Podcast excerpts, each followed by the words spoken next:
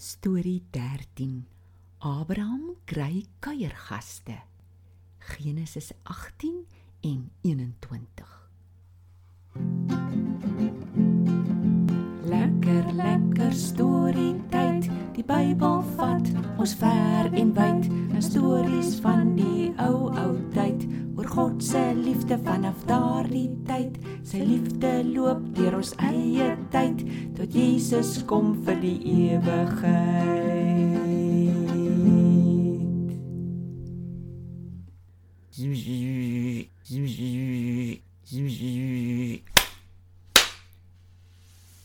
Haai Tobias, wat maak jy? Hallo jong. Hallo julle. Ek trou deur hierdie vlieg slaan dat my so kla. Dit das mis.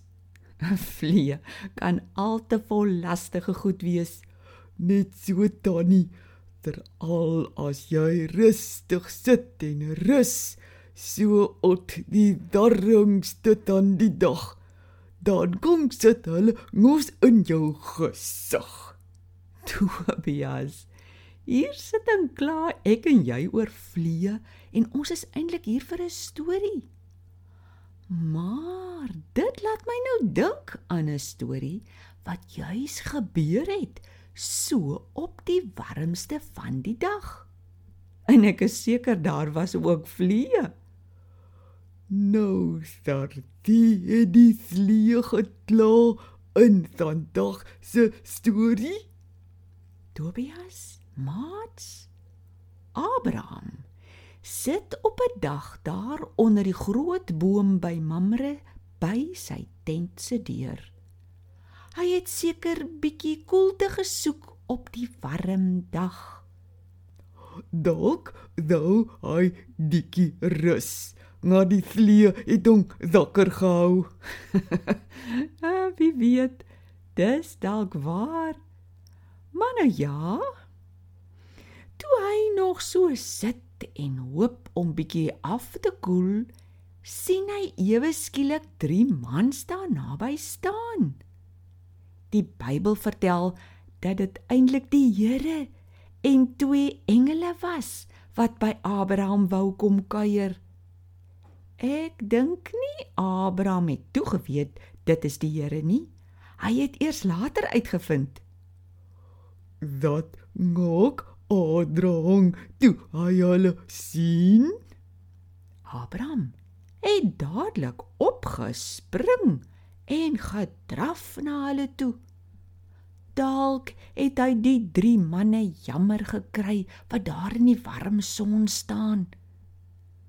Toe hy by hulle kom, sê hy: "Nere, bewys my asseblief 'n guns en moenie verbyloop nie.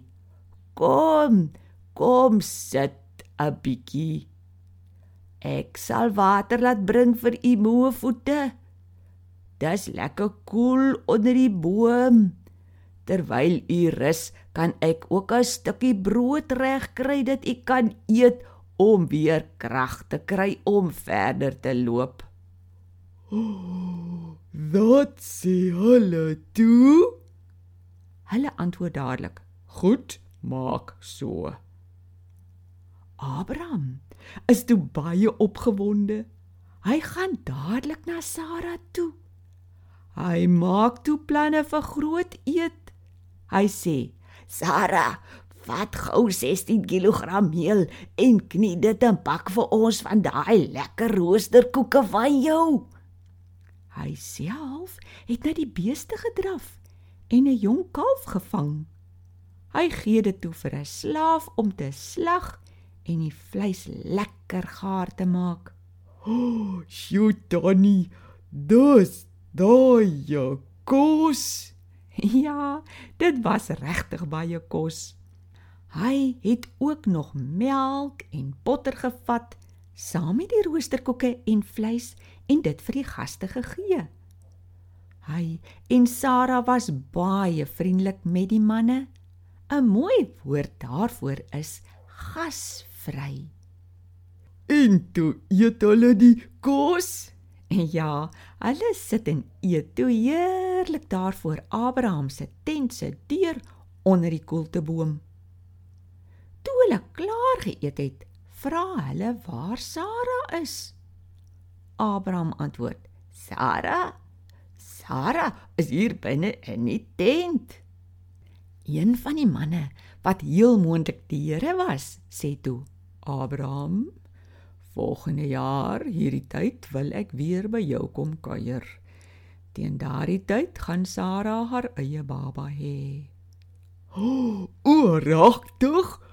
Daar is Sara toe." Het sy dit gehoor? Sara was baie nuuskierig wat die vier manne buite sit en gesels.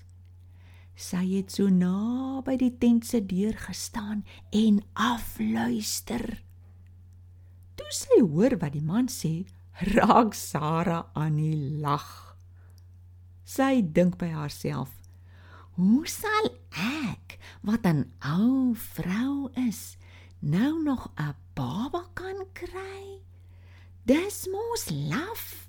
Ja, en ou Abraham is ook al horing oud.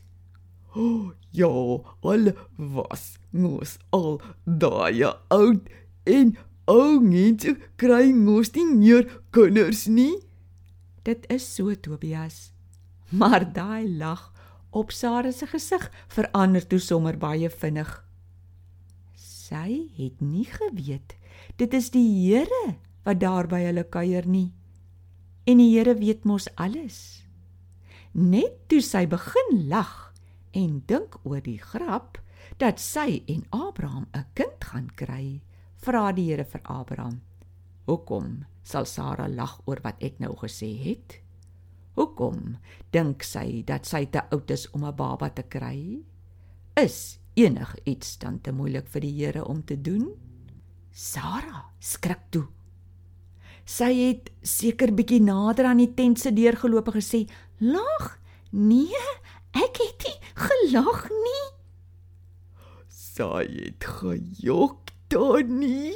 Ja, en die Here wat alles weet antwoord toe: "Nee, Sara, moenie nou jok nie.